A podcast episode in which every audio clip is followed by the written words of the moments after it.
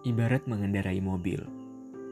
Jika kita sopirnya, maka kita akan mampu mengendalikan mobil tersebut ke mana pun kita akan pergi.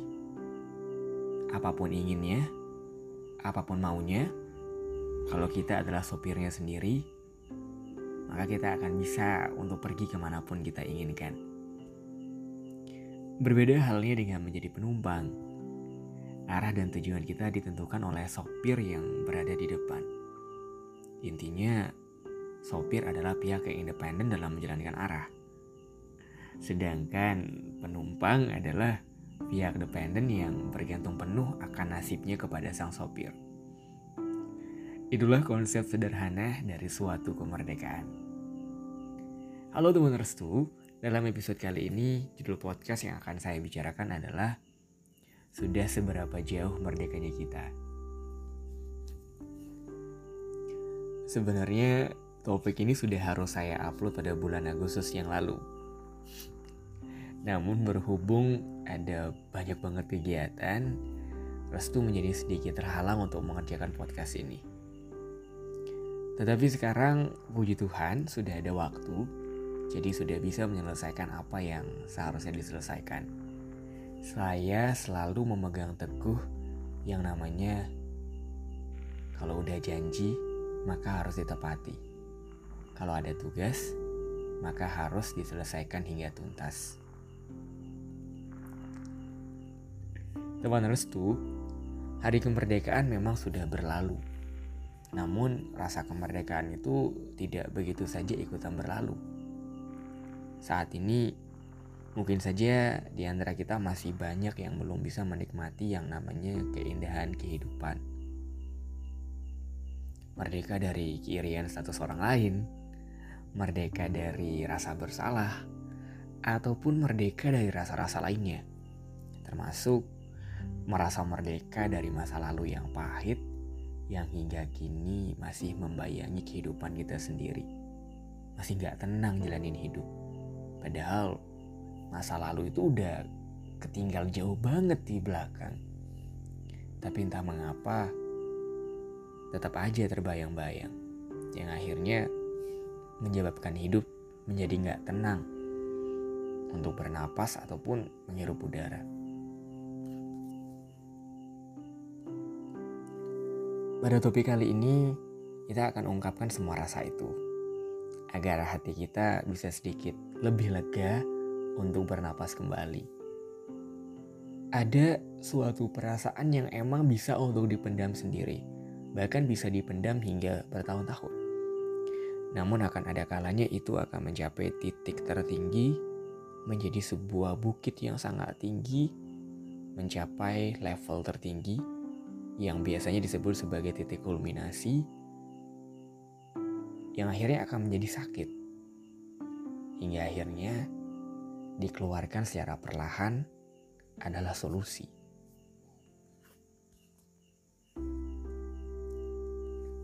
Teman restu, saat kemerdekaan yang telah diraih oleh bangsa Indonesia sejak 75 tahun yang lalu tentunya membuat rasa bahagia dan haru yang tiada tara dalam hati sendiri. Bangsa yang dulunya berjuang setengah mati untuk bernapas, akhirnya telah terbebas dari belenggu penjajahan yang memakan begitu banyak korban jiwa. Bahkan mungkin kakek nenek kita menjadi korbannya. Mereka tersakiti, mereka terjajah. Perjuangan pahlawan masa lalu memang sudah berakhir. Namun bukan berarti kita tetap berdiam diri tanpa arti. Semua masa punya masalah dan jajahannya sendiri. Seperti kita yang saat ini. Terjajah oleh ekspektasi dan harapan orang lain. Coba deh kita perhatikan lagi, kita tengok-tengok lagi kehidupan kita sehari-hari di kantor, di sekolah, di kampus, ataupun di rumah sendiri. Ada 10 orang yang ada di sekitar kita, maka akan ada 10 orang pula yang akan meletakkan harapan di atas pundak kita masing-masing. Masih 10 nih, belum 20. Apalagi di lingkungan yang lebih luas. Yang mungkin jumlahnya sampai seribu. Maka akan ada seribu hati dan kepala yang akan meletakkan, yang akan menitipkan harapannya kepada kita. Yang akhirnya menyebabkan kita menjadi berjalan aja nggak tenang. Karena ada berbagai macam harapan dan dan mimpi dari orang lain yang harus kita penuhi. Itulah sebabnya mengapa Restu bilang bahwa ternyata ada banyak di antara kita itu yang gak bisa berjalan karena emang belum merasa merdeka. Belum merasa merdeka untuk menjalani hidup ini berjalan dengan tenang. Tanpa harus diikuti oleh bayangan-bayangan orang. Lah gimana gak berat? Diikuti oleh bayangan sendiri aja udah. Udah minta ampun beratnya. Apalagi harus diikuti oleh bayangan orang lain. Sampai sini paham kan? Kenapa Restu bilang kalau di antara kita ternyata memang banyak yang masih belum merdeka.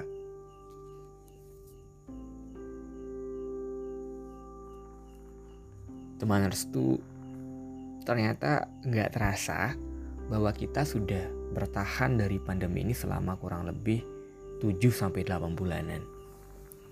Selama itu ada banyak hal yang awalnya tidak terlihat menjadi terlihat. Makin dekat dengan keluarga dan lingkungan sekitar, akhirnya membuat kita menjadi lebih paham maunya kita dan orang sekitar. Selama pandemi, mungkin banyak banget kawanan tetangga yang mulai bertanya macam-macam tentang rencana hidupmu. Tentang kapan bisa kuliah, untuk kamu yang mungkin baru lulus SMA, kapan lanjut S2 atau S3, kapan nikah, kapan punya momongan, kapan wisuda, dan lain sebagainya. Sebenarnya kata kapan itu biasa-biasa aja. Serius, biasa-biasa aja. Namun jika ditanyakan pada saat situasi yang sedang tidak kondusif, Kata kapan itu bisa seperti bumerang yang berbalut api. Bisa membakar ujung kaki hingga ujung kepala. Hingga akhirnya kita mulai berpikir bahwa tuntutan orang lain terhadap kita itu begitu besar dan banyak. Apalagi jika orang tua, orang tua kita sendiri nih, ikut terlibat dalam menuntut.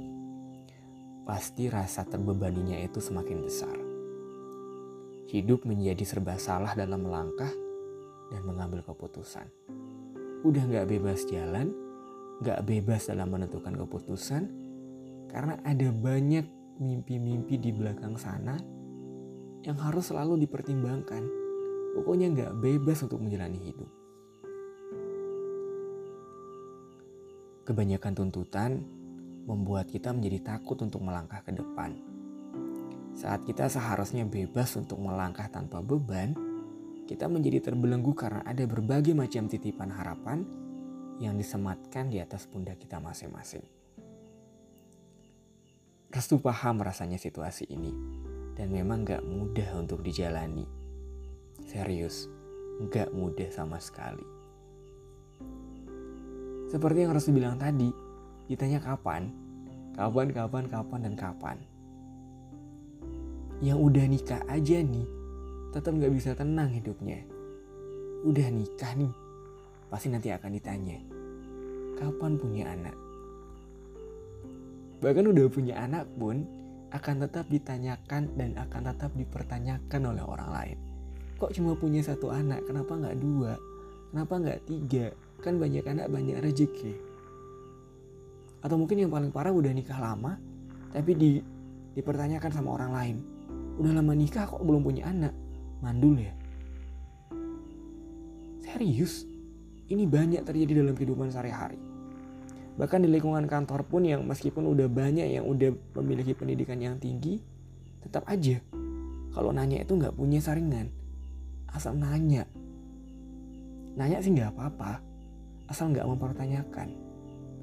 Tapi faktanya banyak di antara teman-teman kita, rekan-rekan kerja kita yang mempertanyakan mimpinya kita. Padahal, meskipun kita berada di bumi yang sama, kita memiliki jalan hidup dan takdir yang berbeda. gak bisa disamain. Ya itu, karena kita memang gak enggak dan belum bisa merdeka dari yang namanya ekspektasi orang lain.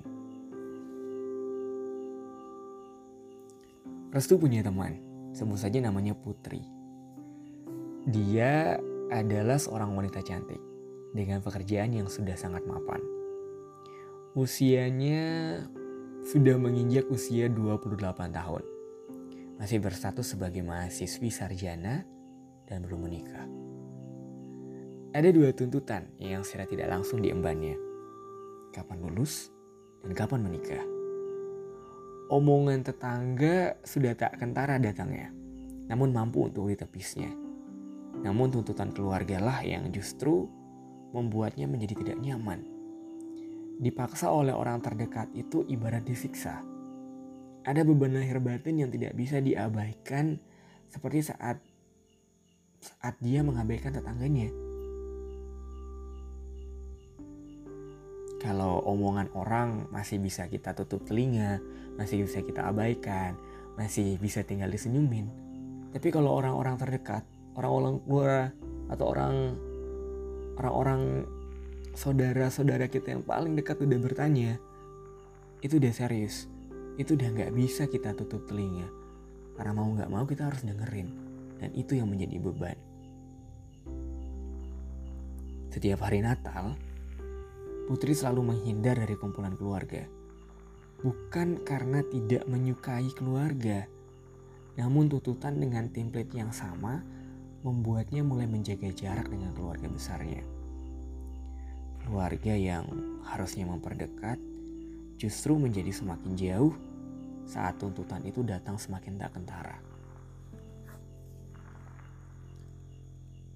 Apa sih salahnya untuk sendiri dulu Berdosakah jika belum lulus kuliah? Nistakah jika belum menikah? Rendahkah jika belum bisa melanjutkan kuliah? Putri bukanlah orang yang malas dalam kuliah. Namun beban pekerjaan yang semakin sibuk membuatnya semakin kurang maksimal dalam memanfaatkan waktu dalam belajar. Mencari uang dan ilmu dalam waktu yang bersamaan itu memang gak mudah. Putri bukannya menyerah, tapi dia emang udah mulai lelah. Namun demi keluarga, demi membahagiakan keluarga, dia tetap berjuang untuk tetap bisa berjalan. Meskipun omongan orang tuh udah seperti duri yang diinjak-injaknya. Teman restu, mungkin ada di antara kita atau mungkin orang sekitar yang memiliki jalan atau cerita yang sama dengan Putri. Atau mungkin jangan-jangan kamu juga memiliki cerita yang sama dengan Putri. Ya, nggak salah juga sih jika seandainya kita kayak merasa udah pengen menjauh dari keluarga. Apalagi kalau kumpul-kumpul bareng keluarga. Dulu kalau kumpul bareng keluarga, ketemu sama kakek, nenek, paman, bibi, adik, keponakan, dan lain sebagainya itu rasanya kayak bahagia banget. Itu waktu masih usia kecil ya masih usia 7 sampai 11 tahun, masih belum ada tuntutan dari berbagai macam pihak. Kayaknya pengen kumpul terus nggak pengen pulang. Bahkan kalau kalau diminta pulang oleh orang tua tuh pengennya nangis, pengen tinggal di rumah nenek kakek gitu kan. Pengen tetap kumpul, pengen tetap main-main. Pokoknya kumpul itu adalah surga. Tapi semua itu berbeda ketika usia sudah berada di di atas 20 tahun. Apalagi udah 30 tahun ke atas belum punya pasangan, belum nikah, belum S2, belum punya rumah dan sebagainya. Pertanyaan-pertanyaan itu akan selalu menghantui kita. Keluarga yang harusnya bikin nyaman, tapi justru jadi beban. Ya karena itu, karena tuntutan dan harapan dari mereka, yang justru membuat kita menjadi nggak merasa merdeka sama sekali dituntut itu kadang bikin takut. Saat kita seharusnya bisa bebas untuk melangkah, namun malah terbebani oleh ekspektasi dan harapan orang lain. Saat jalan tak semulus aspal, saat cita-cita belum bisa tercapai, terkadang hati bisa begitu ikhlas untuk menerima? Serius deh, bisa untuk ikhlas.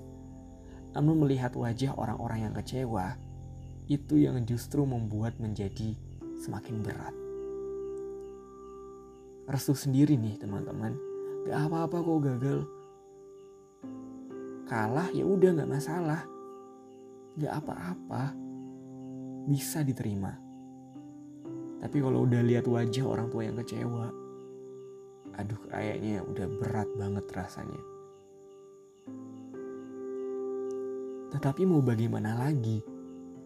Kalau terus-menerus seperti ini, kita tidak akan pernah bahagia menjalani cerita kehidupan kita masing-masing. Kini, kita sudah harus mulai berjalan pelan-pelan untuk tidak selalu terbayang-bayangi oleh tuntutan orang lain.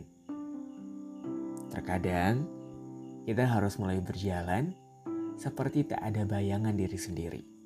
Jalan lurus tanpa menengok ke samping dan ke belakang. Menutup mata dan telinga itu terkadang penting, asal sesuai dengan porsinya.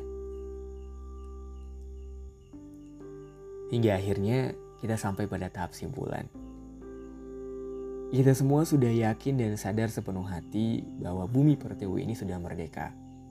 Harusnya diri sendiri pun harus berusaha untuk ikutan merdeka. Jangan biarkan diri sendiri tetap terjajah oleh ingin dan maunya orang lain. Restu ulangi lagi. Jangan biarkan diri sendiri tetap terjajah oleh ingin dan maunya orang lain. Jangan terpasung dan terbebani karena omongan orang lain. Kita adalah nahkoda untuk sampan kita sendiri.